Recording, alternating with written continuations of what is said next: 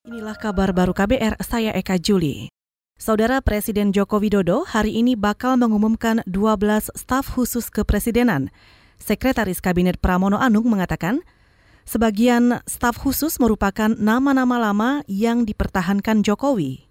Ketika disinggung soal masuknya nama Putri Tanjung, anak bekas Menko Perekonomian dan pengusaha Hairil Tanjung, Pramono enggan memberikan konfirmasi. Uh, Presiden segera akan mengumumkan dan tentunya nama-nama itu akan diumumkan secara langsung oleh Bapak Presiden dan mudah-mudahan diperkenalkan pada hari ini.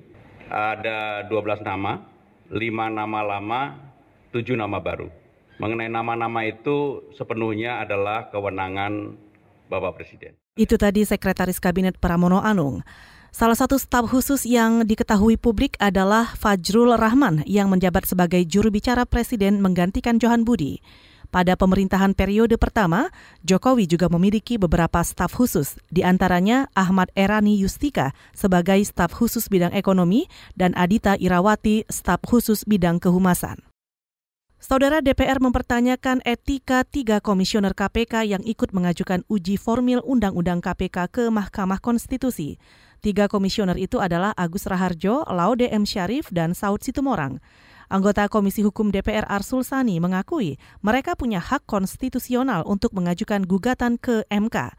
Namun menurut politikus P3 ini, sikap ketiganya selaku pimpinan lembaga negara patut dipertanyakan.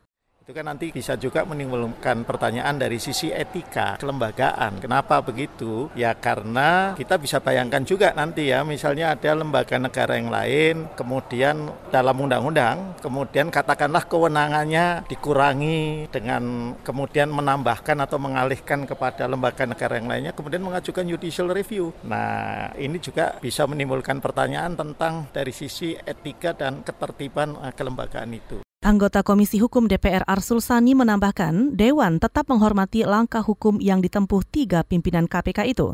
Namun, Arsul juga mengklaim proses revisi Undang-Undang KPK sudah sesuai prosedur. Ia juga membantah anggapan bahwa DPR tidak melibatkan KPK selama proses revisi.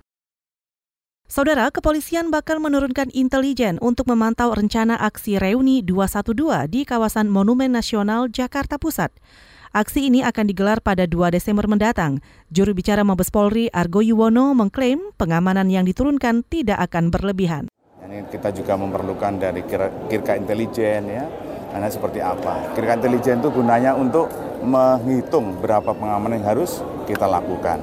Juru bicara Mabes Polri Argo Yuwono menambahkan, polisi masih menunggu surat permohonan izin kegiatan dari Persaudaraan Alumni atau PA 212. Saudara, pembangunan proyek kereta semi cepat Jakarta-Surabaya bakal dimulai pada 2022. Menteri Perhubungan Budi Karya Sumadi mengatakan proyek kerjasama dengan Jepang ini ditargetkan rampung dalam waktu 4 tahun. Nilai investasi proyek itu sekitar 60 hingga 1000 triliun rupiah. Selain kereta dalam kota, kita juga membangun kereta Jakarta-Surabaya yang kita akan persiapkan mulai 2022 4 tahun jadi 2026 itu selesai. Nah, kita harapkan juga Jakarta Surabaya itu hanya lima setengah. Menteri Perhubungan Budi Karya Sumadi mengaku diperintahkan Presiden Jokowi mempercepat proyek kereta semi cepat Jakarta Surabaya. Kata dia, Jokowi juga meminta kontraktor dalam negeri banyak dilibatkan dan Presiden juga turut menekankan agar konten-konten lokal dioptimalkan dalam pembangunannya. Saudara, demikian kabar baru, saya Eka Juli.